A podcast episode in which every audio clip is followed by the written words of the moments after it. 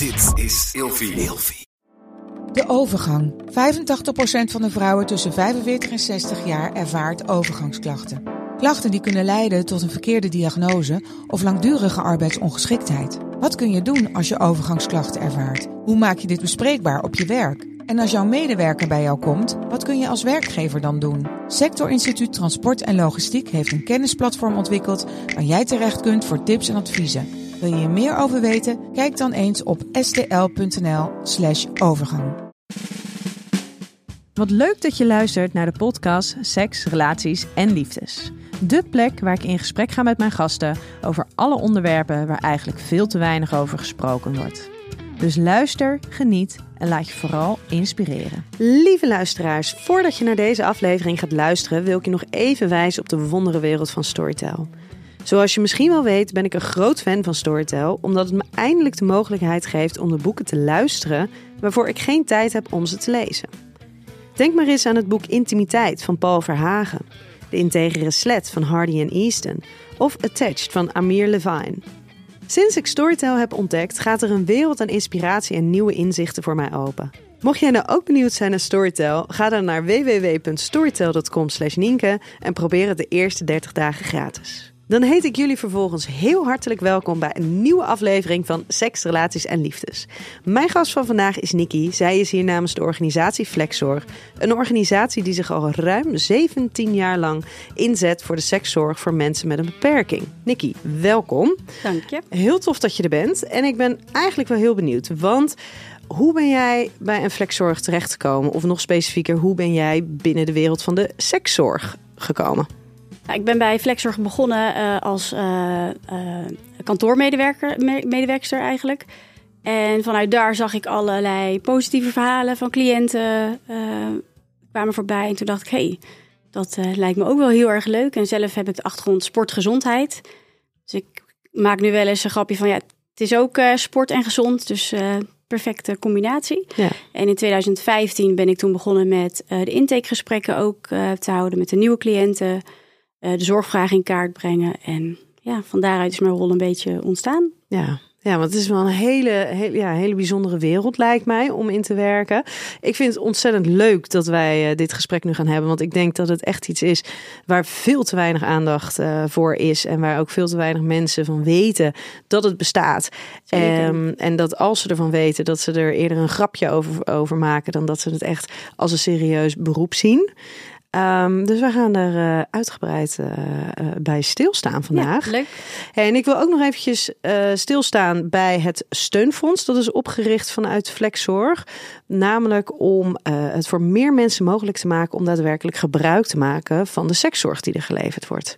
Ja, klopt. Wij hadden met het tienjarig bestaan van Flexzorg hadden we zoiets van, ja, we kunnen dat groots vieren, maar laten we wat doen voor de cliënten. dus is toen het steunfonds uh, opgericht. En is de bedoeling om inderdaad wat uh, cliënten financieel te ondersteunen waar mogelijk. Ehm, het is niet dat, dat iemand daar blijvend wat aan heeft. Je kan maar één keer een steunfondsbon eigenlijk toebedeeld krijgen. maar het is wel voor iedereen een leuk, leuk opstapje om, ja, als je dat krijgt. Ja. Ja, want het is wel bijzonder, hè? Want um, ja, het gaat dus om sekszorg. Het geven van uh, seksuele verzorging, eigenlijk, zo zou je het kunnen omschrijven. Voor mensen met een fysieke dan wel. Is het ook met mentale beperking? Ja, zeker. Ja. Okay. Dus met een fysieke en met een mentale beperking. Alleen dat kost natuurlijk gewoon geld. Want het is gewoon, ja, er worden er gewoon als het ware diensten geleverd. En niet iedereen die is in de gelegenheid om, uh, om dat geld er ook voor te betalen. Ja, klopt. Het is vrij, uh, vrij prijzig. Uh, en vooral veel cliënten hebben een bewindvoerder, uh, weinig geld te besteden. En dan is het helemaal ja, belangrijk dat ze een beetje hulp daarbij kunnen krijgen. En ja. helaas loopt dat nog niet lekker qua vergoedingen. In Nederland is dat nog niet naar ons zin goed geregeld. Dus veel cliënten kunnen daardoor geen, geen gebruik maken van deze vorm van, van zorg. Ja, is dat in andere landen anders geregeld? Nee, dat is een beetje hetzelfde. Eigenlijk ook niet. Nee. Gewoon niet? Nee. Nee. nee. Nee. Hey, daar gaan wij uh, het zo nog even verder over hebben.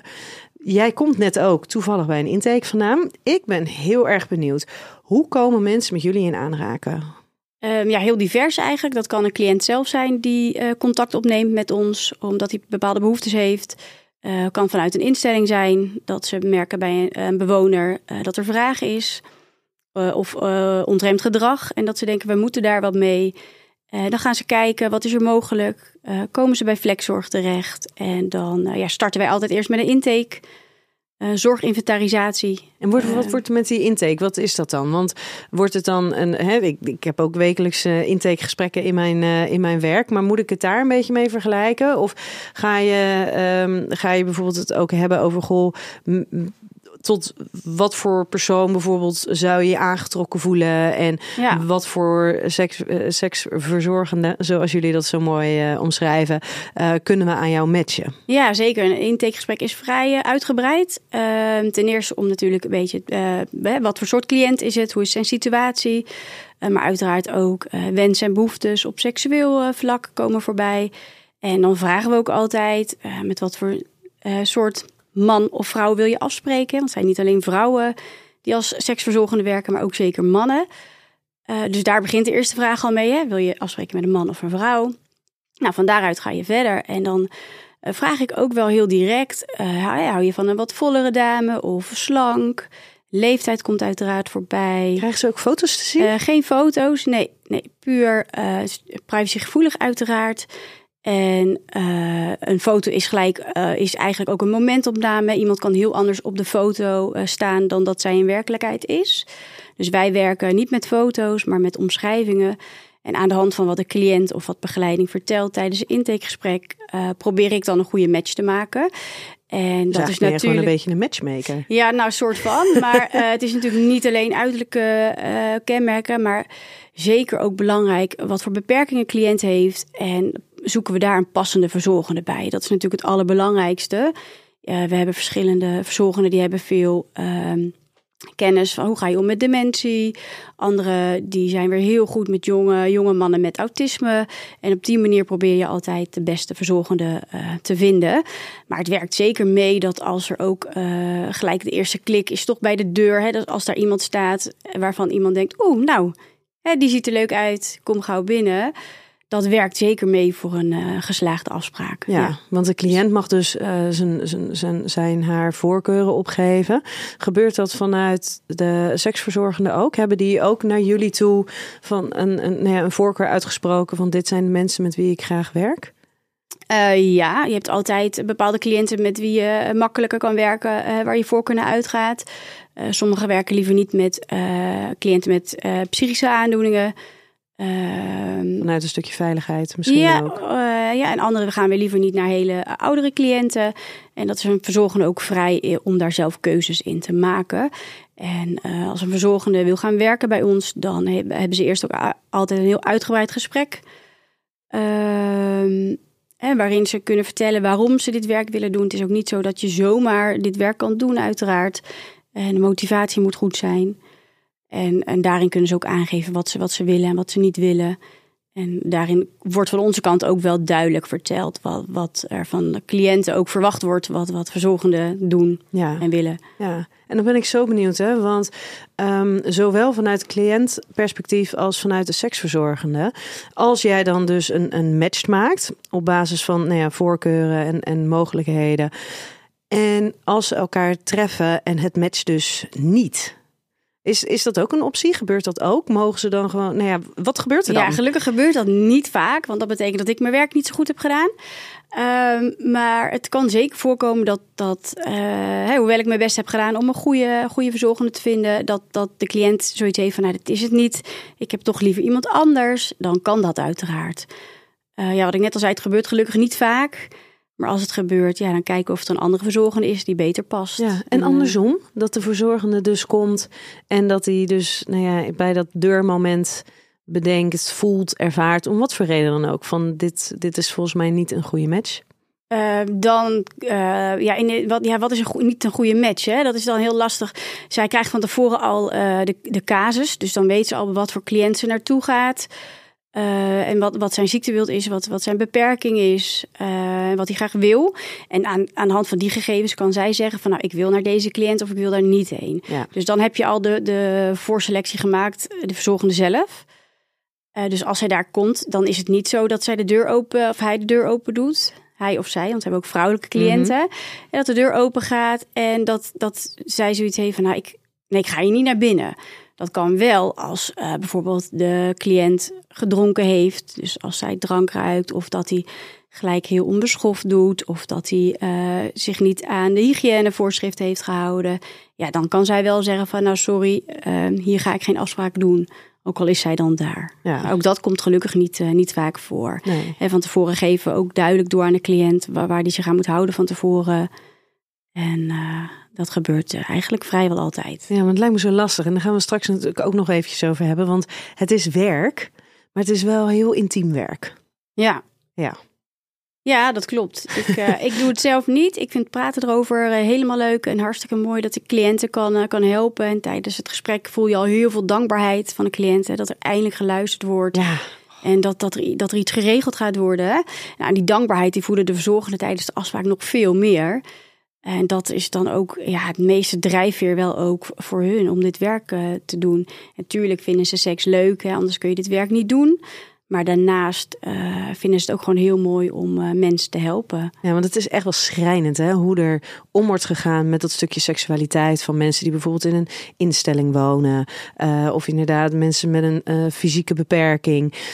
Ehm, daar wordt zo weinig aandacht aan besteed aan dat stukje seksualiteit. En die worden zo niet gehoord, tenminste over het algemeen heel weinig, in hun seksuele behoeften. Het zijn gewoon mensen met seksuele behoeften. klopt. Alleen Ja. helaas ehm, hebben ze zelf niet altijd de mogelijkheden om daar altijd maar vanuit zichzelf naar te handelen. En moet het dus gefaciliteerd worden. Ja, zeker. En Dat is eh, nog een heel eh, gemis eh, binnen heel veel instellingen. Gelukkig wel steeds meer dat, het, dat er over gepraat wordt. En dat mensen ook inzien dat ook mensen met een beperking ook gewoon recht hebben op seksuele gezondheid. Het is ook een, een basisrecht eigenlijk, een mensenrecht. Ja, ja dat is en, en mensen, of dat is wel een bijzonder, want in de World Health Organization, in de definitie van seksuele gezondheid, daar stond dat je dan seksualiteit kon beleven zonder beperkingen. Ja, En dat is natuurlijk een hele interessante, zeker in deze tijd, maar zeker met de doelgroep waar jij mee werkt. Eh, want zijn over het algemeen zijn het gewoon mensen met een fysieke of mentale eh, beperking. Maar die Mhm. hebben ook gewoon recht op dat stukje seksualiteit. ja, klopt. En wij vinden dus ook eh, dat, dat hè, als zij zelf niet in die seksualiteit kunnen voorzien, dat zij ja, hulp daarbij Ja. moeten krijgen. ja, want ze worden in heel veel dingen geholpen. Hè, er worden natuurlijk heel veel dingen gefaciliteerd voor hen, omdat ze daar om een of andere reden niet zelf in kunnen voorzien. Dus ja, dat stukje seksualiteit is eigenlijk als vanzelfsprekend dat dat erbij moet horen. Want je, hoe kan je ervan uitgaan dat iemand niet bijvoorbeeld zijn eigen boodschappen kan doen, maar wel eh, zelf in de seksuele behoefte kan voorzien? Ja, ja dat is eh, het stukje vergoeding wat, wat mist eigenlijk voor dat soort zorg, wat wel echt heel belangrijk is. Ja. Dus eh, mocht iemand- basisbehoeften Ja. eigenlijk. Hè? Niet, hè, niet fysio- fysiologisch zoals eh, eh, eten en drinken. Zonder seks kan je prima honderd worden. Maar Ja, het is wel, wij noemen het de sociale basisbehoeften. En het is zeker wel nodig. En Ja. seksuele gezondheid, hè, het leeft heel erg momenteel. Alleen politiek wil toch Wil je iets anders? nog niet helemaal mee. Ja, en dan hè, ze zijn, zonder seks kan je, kan je eh, oud worden. Ehm, maar als je het hebt over het stukje intimiteit en het fysieke contact. Ja, we weten van, van, van babytjes dat fysieke aanraking een primaire levensbehoefte is. Dat, Ja. de, afgelopen jaren zijn heel veel mensen die zijn bekend geraakt met het, het fenomeen eh, huidhonger. Ja, waarom zou iemand met een fysieke of mentale beperking daar geen last van hebben? En die wordt daar vaak veel langduriger aan blootgesteld. Dus ik denk dat het zeker wel een hele belangrijke behoefte is. En dan gaat het misschien niet puur altijd om het stukje seks, maar zeker wel om dat hele pakketje eromheen met affectie, met intimiteit, gewoon echt fysiek contact. Ja, zeker. Ja. Heel belangrijk. Hey, wij gaan er eh, zo uitgebreid eh, op door. Ik heb in ieder geval een cadeautje voor jou, omdat Oh, je hier naar. Schiedam bent gekomen. Eh, een fles Bobby's Gin. Lekker, Alsjeblieft. dankjewel. Je mag hem naast je neerzetten hoor. Top. Hey, ik heb je aan jou gevraagd om vijf woorden te bedenken die gaan voor jou over seks, relaties en liefdes. Welke woorden zijn dat? Dat is genegenheid, liefde, lust, Hoe ver zijn we? Het zijn er drie. Warmte en uh, beminnenswaard voelen. Ook een hele mooie, vind ik. En waarom, uh, leg, leg dat eens verder uit. Uh, die vind ik vooral voor, voor cliënten van ons uh, heel belangrijk. Uh, dat ze toch voelen dat ze erbij horen. Dat iemand ze leuk vindt. Dat iemand ze aandacht geeft. En ja, dat is gewoon voor veel mensen heel veel waard. Ja, ja, absoluut. En je benoemt lust. Um, nou associëren heel veel mensen seksualiteit met lust. Maar als je dat, dat ervaart, um, dan is het eigenlijk heel fijn om daar ook naar te kunnen handelen. Nou, heel veel mensen die zijn in de gelegenheid om daar dan naar te kunnen handelen. Cliënten van flexzorg, die kunnen daar dan niet op dat moment altijd naar handelen. Is dan lust iets wat je toch als belangrijk uh, woord daar ook mee associeert of in terug hoort? Um, nou ja, niet zozeer. Um, in die zin, ik denk wel dat, dat voor iedereen wel het stukje lust wel, uh, wel belangrijk is. Maar het is natuurlijk, iedereen ervaart het heel anders, hè, seksualiteit. Ja, voor de ene is het lust, voor de ander liefde. Uh, voor de ene is het de combinatie. Voor cliënten van ons net zo. Uh, de een, de een uh, verlangt echt naar een stukje aanraking, knuffels. En de ander echt wel wat meer, ervaart meer lust en wil wel echt seks. Ja, dus ook daar uh, zie je eigenlijk hoe divers seks zich kleurt. En dat Zeker. het over alle aspecten kan gaan. Ja. ja. hey, dan heb ik voor jou uh, de vijf kutkeuzes. Seksualiteit of intimiteit? Intimiteit.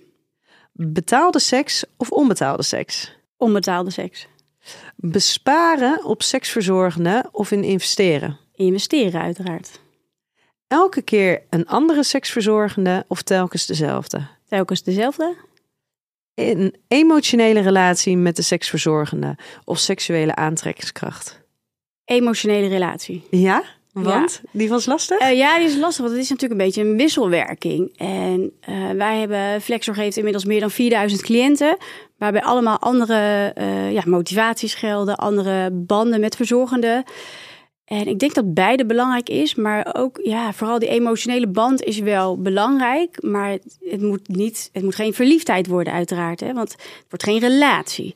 En dat is natuurlijk wel ook uh, in ons vak heel belangrijk om goed duidelijk te maken aan cliënten dat het puur is voor, hè, dat, dat, voor de afspraak, een stukje warmte, genegenheid, lust, uh, maar verder niks. Dus ze mogen ook geen contact hebben met de verzorgende buiten de afspraak om puur alleen de afspraak. En dat is dan om, de, om een stukje verliefdheid buiten de deur te houden. Maar emotionele band met elkaar, ja, heb je soms ook wel nodig om een fijne afspraak te hebben. Ja, en een stukje veiligheid te creëren ja. als basis überhaupt voor het, het intieme of het ja. seksuele contact. Ja. Ja, en jullie, uh, je zei wel ook uh, dat je zou kiezen voor telkens dezelfde seksverzorgende.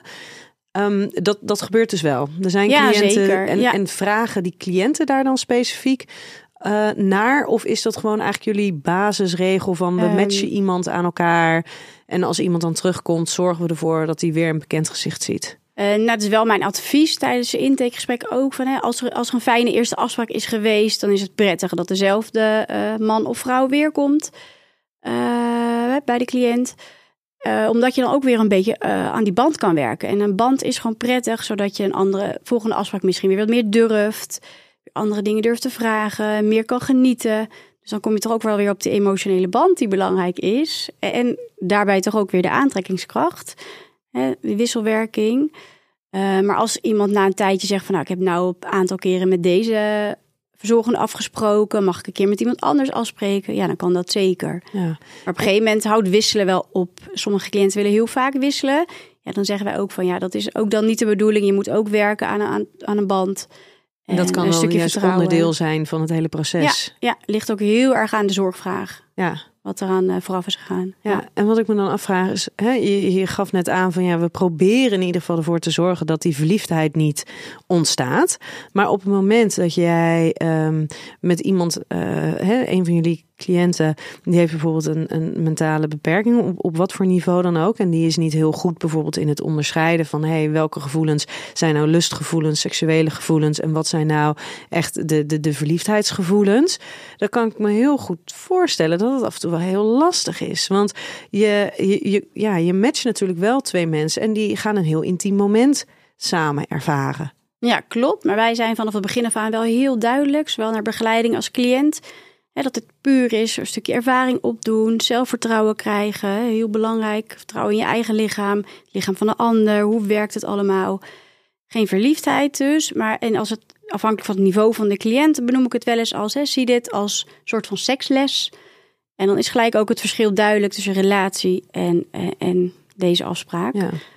En ook begeleiding eh, raden wij altijd aan om dat dan ook te herhalen. En eh, onze ervaring is als het vanaf het begin af aan duidelijk is voor de cliënt, dan eh, komt verliefdheid bijna nooit voor. En tuurlijk mag je een speciale band en speciale gevoelens krijgen en intimiteit met iemand. Dat doet wat met je als mens en dat doet wat met je gevoel. Dus dat is ook helemaal niet raar. De aanmaak er- van oxytocine, endorfines, dat zorgt natuurlijk voor Ja. verbinding, voor, voor een stukje hechting en vertrouwen. Ja, en we zeggen ook wel eens, hè, je mag wel eens eh, een soort van verliefde bubbel tijdens de afspraak voelen. Maar daarna moet je wel weer terug ook kunnen naar de realiteit. Ja. En dan kan je weer toeleven aan de volgende afspraak. En hebben jullie wel eens dat jullie ehm, een cliënt niet als cliënt aannemen? Eh, nou, cliënten die we niet aannemen zijn onder de 18. Mhm. Eh, dat is natuurlijk een grens waar eh, die moet. En voor de rest, ehm, nee, eigenlijk niet. En sowieso hebben we altijd eerst een intakegesprek. Ehm, ik zit even na te denken of, eh, of ik in die jaren iemand heb gehad waarvan ik zeg van nou die kan ik niet bemiddelen. Nee. En kan, kan je een reden geven waarom, ehm, ehm, waarom je het niet zou doen? Wat is een, een rode vlag dat je denkt, dan wel als organisatie, dan als zelf, als persoon van hé, hey, dit vind ik heel lastig. Ehm, nou, we, we komen wel eens tegen in het proces verder dat eh, een cliënt heel erg eh, eh, aandacht blijft zoeken of bepaalde dingen wil die niet kunnen. En dan zeggen we wel eens van, hè, dan, dan stopt het hierbij. Dan kunnen we ook niet meer voor je bemiddelen, dan stopt het hierbij. Maar Ja. iedereen krijgt wel vanaf het begin af aan een kans. Ja, maar dan besluit je op Eh, basis van het gedrag dat er heeft plaatsgevonden. Van, oh ja, dit is dan wel in het belang van de cliënt, dan wel van onze seksverzorgende. Is dit gewoon eigenlijk niet ehm, aanvaardbaar om dit door te laten Ja. gaan? Ja. ja. ja. Hey, ik heb ehm, vijf stellingen voor jou. Iedereen heeft recht op intimiteit en seksualiteit. Ja, zeker. Daar eh, ben ik uiteraard een eh, grote voorstander van. En een stukje seksuele gezondheid, wat voor iedereen eigenlijk eh, eh, vanzelfsprekend zou moeten zijn.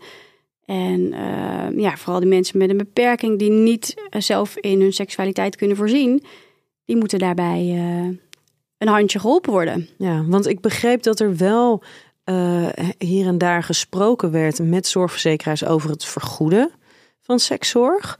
Maar ehm, ja, weet je, als je het alleen al hebt over eh, de seksuologie, wordt ook maar heel beperkt eh, eh, vergoed, dan wel gewoon niet vergoed. Dus ik kan me voorstellen dat dat wel een hele lange weg is nog die, die te gaan is. Ja, daar zijn we wel ook hard mee, mee bezig, hard voor aan het strijden. En dan zal het niet vanuit de zorgverzekeraar vergoed moeten worden, maar meer vanuit de voorzieningen die er zijn in de zorg. Dus via de WMO of de Ja, WLZ. persoonsgebonden budgetten.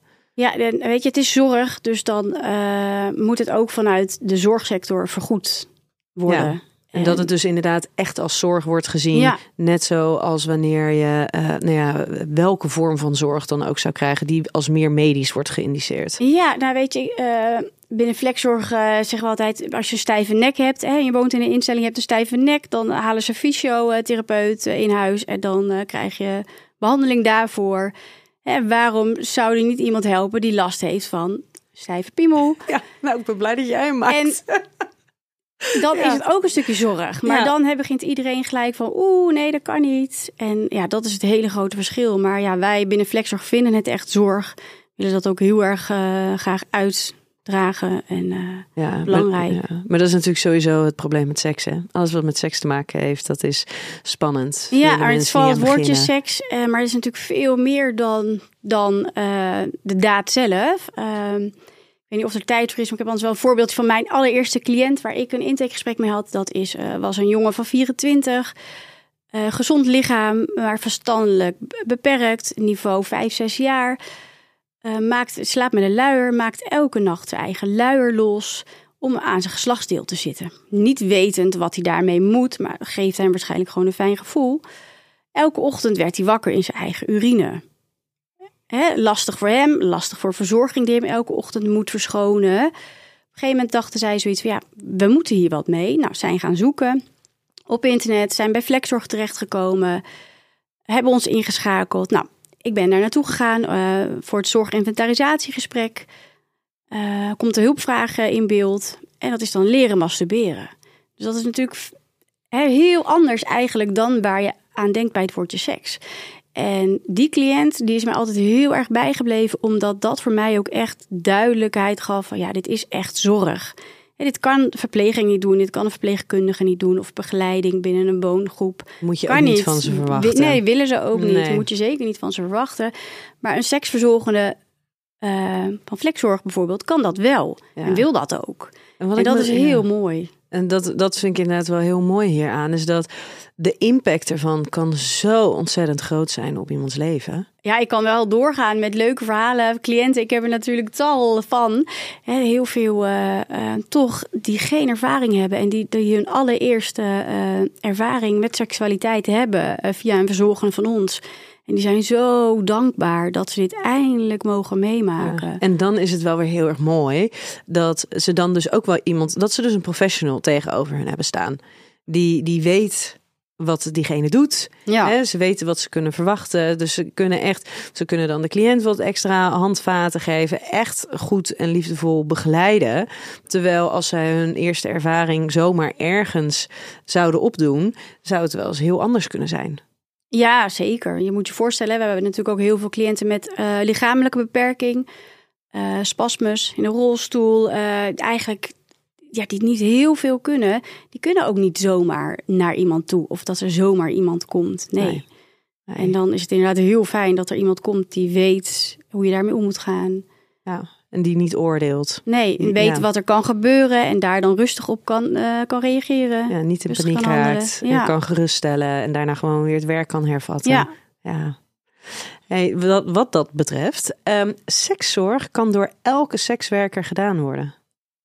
Uh, nee, zeker niet door elke sekswerker. Het is zorg, daar kom je weer. Uh, is dan toch echt uh, iemand die wel echt affiniteit moet hebben met zorg zorgachtergrond. Ja?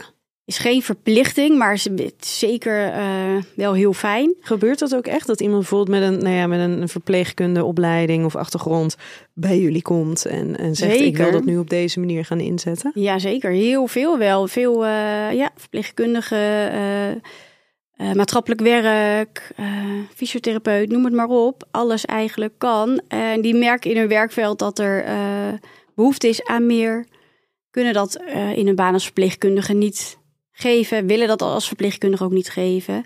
En zijn dan flexzorg ernaast gaan doen en werken dan als seksverzorgende. Ja, ik vind dat zoiets bijzonders, hè? Want ik vind het echt, ik vind het een prachtig beroep. Maar het lijkt mij heel, uh, ook heel, nou ja, het lijkt mij gewoon heel lastig ook om te doen.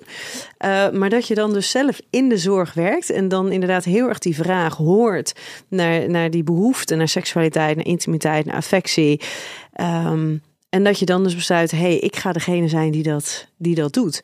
Ja. Zijn dat dan ook mensen die um, affiniteit met seks hebben, die dat doen? Of zien die, ja, hoe... Ja, dat, dat, uh, natuurlijk vinden ze seks leuk, hè, want anders kan je het werk niet doen. Dat is makkelijk zat. Um, dus in die zin ja. Maar het zijn vooral mensen met een goed hart die uh, anderen willen helpen. Ja. En die, die de noodzaak ook zien van dat stukje ondersteuning wat nodig is. En die zien het echt als werk. En niet zozeer als ik heb seks met iemand, maar ik ben in het voorzien van zorg, wat toevallig dan in de vorm van seks komt. Ja, zij zien dat zeker als zorg, echt iemand helpen. Ja, zij doen dat niet voor hunzelf. Nee, zeker niet. Nee. Sekszorg um, is alleen beschikbaar voor vrijgezellen. Nee, uh, sekszorg is uh, voor mensen met een beperking. En dat kan best een demente man zijn in een verpleeghuis die nog een vrouw thuis heeft zitten. Um, die behoefte heeft en die zijn vrouw niet meer wil of kan voorzien.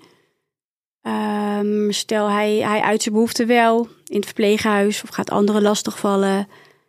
Um, ja, dan wordt er een gesprek aangegaan. Familie wordt er dan wel bij betrokken, uiteraard. Maar ook voor zo iemand ondanks dat hij dan misschien nog getrouwd is, kan wel uh, flexzorg of sekszorg uitkomst bieden. Ja. En gebeurt het ook wel eens bij stellen dat je bijvoorbeeld twee mensen hebt uh, met, met, met een vorm van een beperking uh, en dat er dus iemand komt voor een stel tegelijkertijd? ja, dat kan. Gebeurt eigenlijk bijna niet. Ik zit even na te denken of wij volgens mij niet hebben al die jaren denk ik één keer een stel geholpen ook met, uh, met een beperking, ehm, ja, die wat adviezen wilde. Hè? Wat kan wel, wat is fijn. En dan kan dat zeker. Ja, als de vraag daar is, dan uh, is dat zeker bespreekbaar. Ja, maar zeker als je het dan hebt, bijvoorbeeld je hebt twee mensen met een, met een fysieke beperking. En die zijn dus niet in de gelegenheid om fysiek gezien zich vrij te bewegen. Kan ik me voorstellen dat het ook heel prettig kan zijn als iemand hun uh, nou ja, dan wat ter plekke helpt. Maar ook in het van hey, hoe kunnen jullie dit nu samen doen? Hoe kan je nou creatief dit samen oppakken? Hoe, wat voor hulpmiddelen kan je nou inschakelen om dit samen te doen? Dan ga je een klein beetje naar de seksles ja. versie ervan. Ja. ja, het gebeurt niet veel dat we van de stellen een aanvraag krijgen. Nee. nee. Zou dat iets zijn waarvan je denkt, oh, dat, dat zou er wel meer uh, moeten zijn? Want ik kan me voorstellen dat dat misschien nog wel weer een drempeltje is nou, ik denk dat veel uh, stellen dan toch wel zelf in staat zijn om dat stukje seksualiteit, intimiteit te vervullen. Ik denk toch uh, dat de meeste cliënten van ons niet in staat zijn om een vriend of vriendin te vinden. En dus niet in staat zijn om invulling te geven aan hun seksualiteit op die manier. Dus ik denk dat daardoor komt dat er niet, uh, ja. geen aanvragen zijn van stellen. Klanten, sorry, cliënten van Flexzorg komen seksueel gezien niets tekort. Uh, ja, ja, dat is uh, als ik mijn werk goed doe en goed uitvragen wat ze willen, waar, waar, waar de behoefte ligt. En ik vul dat goed in en pas, zoek daar een passende verzorgende voor. Dan denk ik dat ze zeker niks tekort komen tijdens de afspraken. Ik weet niet of je, de vraag, of je de vraag zo ja. bedoelt. Mm -hmm. want het is een beetje, je kan hem tweeledig zien en beantwoorden. Ehm, maar cliënten van Flexzorg, als ze een afspraak hebben, dan komen ze tijdens de afspraak denk ik niks tekort. Uh, vaak moeten ze wel, vaak moeten ze lang wachten op weer een nieuwe afspraak, omdat het natuurlijk vrij prijzig is. Het geeft vaak wel rust en voldoening dat ze weten van hé, hey, ze komt over een tijdje weer terug. Hè. Als sommige cliënten hebben het geluk, die mogen elke maand een afspraak van de bewindvoerder of die hebben zelf hè, budget voor elke maand of, of twee keer per maand. Anderen hebben e-, eens per kwartaal of eens per jaar kan ook. Ja, dan is het wel in de tussenliggende tijd uh, lastig. Ja, ja, want dan worden ze dus niet gehoord in hun seksuele behoeften. Ja, wel gehoord, ja, maar... of niet naar handelend, kunnen handelend. Ja, als financiële middelen niet toereikend genoeg zijn. Ah, dat is echt dus daar is een stukje vergoeding uh, wel heel hard nodig. Er zijn zoveel cliënten die daar heel veel baat bij hebben. Ja. ja. ik vind dat echt, ik vind dat zo schrijnend. Stel je hebt dus inderdaad dat je dan dus al heel erg geluk hebt. Dat je dus de financiële mogelijkheden hebt. Dat je het één of misschien zelfs twee keer per maand kan, uh, kan doen. Maar dat je anders gewoon één keer op een kwartaal of zelfs één keer per jaar zit. Ja. Ja. Terwijl het feit dat je um, nou ja, de, de, de, een fysieke beperking hebt, een mentale achterstand hebt, zegt natuurlijk helemaal niks over hoe jij seksualiteit beleeft en wat jouw seksuele behoeften zijn. Nee. Dus die kunnen best wel eens uh, heel erg op de voorgrond liggen, die behoeften. En sterker nog, als je helemaal niet de tools hebt meegekregen, omdat het eigenlijk altijd een beetje een verwaarloosd onderdeel is geweest, um, hoe je met die behoeften om kan gaan, zijn ze vaak ook heel erg um, ja, aandachtvragend. Ja, klopt. Heel veel cliënten weten ook niet hè, wat er mogelijk is. Um, en vaak maakt die nieuwsgierigheid naar hè, wat is het nou, hoe voelt het, maakt dat ze het juist nog harder willen. En hè, dan kom je ook weer bij dat toch dat ontremde gedrag. Uh, ja, dat is allemaal kans. Als je seksueel gefrustreerd raakt, doordat je niet in je behoeften kan voorzien, ja, is heel lastig. Ja. En kan heel vervelend zijn. Zou je kunnen zeggen dat je, um, stel als je alleen al de instellingen neemt, je zet op bij elke instelling zet je één of twee sekswerkers op de loonlijst. Zou je daarmee. Sekswerkers of oh, seksverzorgenden? Nou ja, seksverzorgenden in deze. Um, zou, zou je dan, denk je, een stuk van het ongeremde en daarmee ook grensoverschrijdende gedrag uh, al, al verminderen, waarvan je toch wel met een regelmaat hoort dat dat bijvoorbeeld in instellingen uh, plaatsvindt? Ja, dat is een lastige. Je weet nooit of je het zomaar kan voorkomen. En het is ook niet dat, dat alle cliënten baat bij hebben uh, bij een flex of bij een afspraak seks. Ehm, maar ik denk zeker dat als er beleid is binnen instellingen, dus dat er over wordt gepraat, hè, daar begint het natuurlijk mee. Dat je weet dat er wat speelt bij, bij de bewoners. En dat er dan hulp kan worden ingeschakeld. Denk ik zeker dat je bepaald gedrag wel kunt, uh, kunt verminderen. En dus een keer rust op de afdeling kan creëren. Ja. ja. Maar zou dat... zou dat, als je kijkt naar het hele vergoedingensysteem, zou dat een mogelijkheid zijn? Dat je dus gewoon een seksverzorgende op de loonlijst zet? Want die krijgt gewoon een x-bedrag en dan spreek je af van nou daarvoor uh, werk je zoveel uur en dan kan je misschien ook nog een verdeling maken tussen dat zijn de, de, de gesprekken die je voert, zoveel uren gesprek, zoveel uren daadwerkelijk uh, fysiek contact. Ik denk dat het wel wat ingewikkeld is en sowieso uh, in loondienst is lastig. bij ons werken ook freelancers. dus ik denk niet dat dat de oplossing is. Maar wel beleid voor uh, seksualiteit moet er zeker uh, komen binnen instellingen. Ja. En is gelukkig al wel binnen bepaalde instellingen het geval.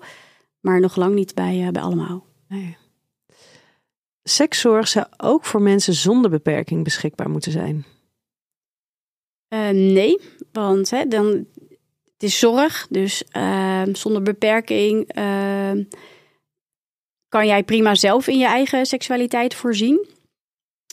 dus in die zin nee. Uh, alleen als, het, als je een link heeft met de zorgsector, dan uh, kan je ervoor in aanmerking komen. Ja. ja. Maar stel je hebt iemand, um, die heb ik ook namelijk wel regelmatig in de praktijk gehad. Um, iemand die dus sociaal gezien absoluut niet vaardig is. Uh, die zijn hele leven lang nog geen relatie heeft gehad, geen seksuele contacten hebben gehad. En dan heb je het bijvoorbeeld over een man van een jaar of 55. Mm -hmm. Iemand die dus wel in staat is om gewoon in hè, zijn levensbehoeften te zien, voorzien in, in, in principe in, in de vriendschappelijke sociale contacten, een maar huis, eigenlijk zei het bij de eerste zin al, hè? Hij, hij heeft moeite met sociale contacten. Hij kan zijn sociale contacten niet onderhouden. Nou ja, wel dus- de normale, maar niet de relationele of de romantische. Ja, maar dat is dan eigenlijk zijn beperking. Oké, dus dat mag je dan wel zo zien. Het hoeft niet Zeker. zeg maar een diagnose, Nee. een harde diagnose te zijn. Nee. Nee. Als hij dat als een beperking ervaart, dan kan hij zeker eh flexzorg bellen. En dan, eh, want, want op wat voor manier, wat, wat zijn jullie eisen daar dan aan? Want het kan natuurlijk ook zijn, die zegt, die zegt iemand van ja, maar ik vind het gewoon een beetje lastig om mensen te ontmoeten. Dus ik wil graag gebruik maken van jullie, uh, van, van jullie seksverzorgenden. Ja, het is niet aan ons om te bepalen in, hoever, hoe, in welke mate de beperking ernstig genoeg is om, om sekszorg in te zetten. Als iemand ons belt, dan vind, ervaart hij zelf al wel een beperking. Het intakegesprek, waar we altijd mee starten, is niet gratis. Uh, dus daar moet dan ook sowieso voor betaald worden. Uh, en dat is ook al gelijk, uh, krijg je daar ook wel, als iemand het echt wil, dan. ehm, ja, ik zit even te denken, iemand, met, iemand zonder beperking gaat echt niet zomaar flexzorg bellen. Die, die, die doet dat niet. Alleen en... wat die beperking dan is, dat, dat, dat is dus eigenlijk een vrij brede definitie. Ja, kan dus zijn. als jij zelf een beperking ervaart, dan, dan ga ik niet zeggen van nee, dat is geen beperking. Ja, dus, dus ook als jij... jouw cliënt uh, met, met sociale moeite met relationele uh, contacten onderhouden, ja, dat is in onze ogen wel een beperking. Ja, en dat omdat is... ze worden beperkt in het vervullen van de seksuele behoeften ja, en door hoe, iets. Ja, en hoe ouder hij wordt, hoe hoger zijn drempel ook wordt om dat contact aan te gaan. Dus juist voor zo iemand is uh, een afspraak via Flexzorg hartstikke fijn. Uh, kan hij een beetje werken aan zijn zelfvertrouwen, ervaring opdoen. En uh, wat ik in zo'n geval wel altijd zeg, het is geen garantie hè, dat je in de toekomst een relatie uh, krijgt, maar het kan zeker wel uh, eraan bijdragen. Ja, want als je dan weer kijkt naar de drempel om, om contact op te nemen met een andere sekswerker hè, of een prostituee, of, dan kan ik me voorstellen dat als je het via zo'n instelling als, als flexzorg doet, um, dat die drempel misschien wat lager is. Omdat je dan weet, oké, als ik nu contact opneem, dan weet ik in ieder geval dat ik met iemand in gesprek kom die um, weet hoe het is uh, om, om, nou ja, om om met ja, ja, lastige situaties om te gaan. Met Ja, uitdagende zeker. situaties Ja, om te en de gaan. afspraak wordt rustig opgebouwd. Ja. Ja. Je begint met een praatje. En van daaruit eh, wordt de afspraak rustig eh, vormgegeven. En er is veel meer begeleiding dan dat diegene eh, met, met nou ja, een willekeurig prostituee contact Ja. opneemt of een escortdame en daar een afspraak mee inplant. Dat is het grote verschil eigenlijk. Ja. Als, als dat zo zou gebeuren, als jullie heel veel van dat, eh, dat soort cliënten krijgen, kunnen jullie de, de vraag dan nog aan? Ehm, Voordat er hier namelijk allemaal luisteraars nu denken: oh hé, hey, ik ga er gebruik van maken. Maar misschien zitten jullie daar helemaal niet op te wachten. nou, ze- iedereen die er gebruik van wil maken, die, eh, die eh, kan, kan dat doen. Ja, Ja, zeker. Ja, het is niet zo ge- dat wij zeggen nee, nee, nee. Zolang er maar een gegronde reden is om aan te kunnen geven: ja, maar ik word echt door iets beperkt Ja, in het aangaan van mijn relationele dan wel seksuele contacten. ja klopt. Ja, hey, en je benoemde net al eventjes, of we hadden het net al even over, dat voor de sekswerkers, het is wel echt werk. Het is niet voor hun eigen eh, plezier. Toch denk ik, ja, je, je moet wel enige vorm, in je, eh, enige vorm van plezier ervaren in je werk. Wil je, het, wil je het leuk hebben? Wil je dit langere tijd kunnen volhouden? Ehm, wat is dan zeg maar het, het plezierige aspect voor de seksverzorgende binnen dit werk? En hoe lang werken ze over het algemeen binnen, binnen dit werkveld? Nou, het plezierige is denk ik vooral de dankbaarheid die de cliënt uit. Ja, die zijn gewoon zo blij met de afspraak. En dat uiten ze eigenlijk vrijwel meteen al tijdens de afspraak, maar ook tijdens het afscheid, als zij weer naar huis gaat. En ehm, dat is vooral de drijfveer voor de meesten.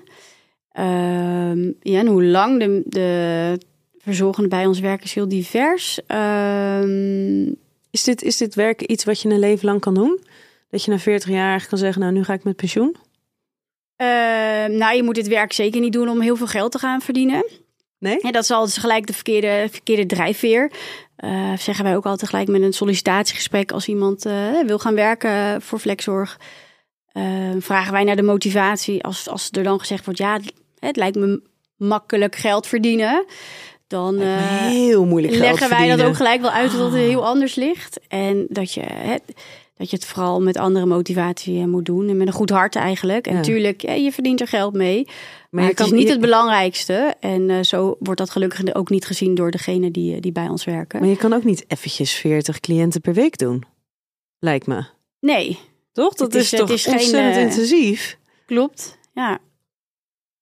Ja, Ja, en ja er jullie- zijn, er zijn eh, ehm, dames die werken 10, 12 jaar al bij ons. Eh, we hebben ook gelukkig wat, wat mannelijke verzorgenden in dienst. Die werken ook al een mooie poos. Eh, en dat is heel fijn, want dan weet je ook wat je aan diegene hebt. En je weet wie je naar een bepaalde cliënt stuurt. En eh, gelukkig hebben we de laatste tijd ook weer wat nieuwe verzorgenden die dit werk willen gaan doen. Dus dat is ook heel fijn. ja.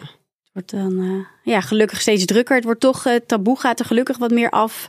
En dat merk je dan ook wel eh, met de aanvragen Ja. en, en ook met de verzorgenden. Dus dat is heel fijn. Ja, super fijn. Maar ik denk dat het zo belangrijk is dat degenen die hier baat bij hebben, dat die weten dat, eh, nou ja, dat, dat die sekszorg dat dat gewoon iets is waar je aanspraak op kan maken.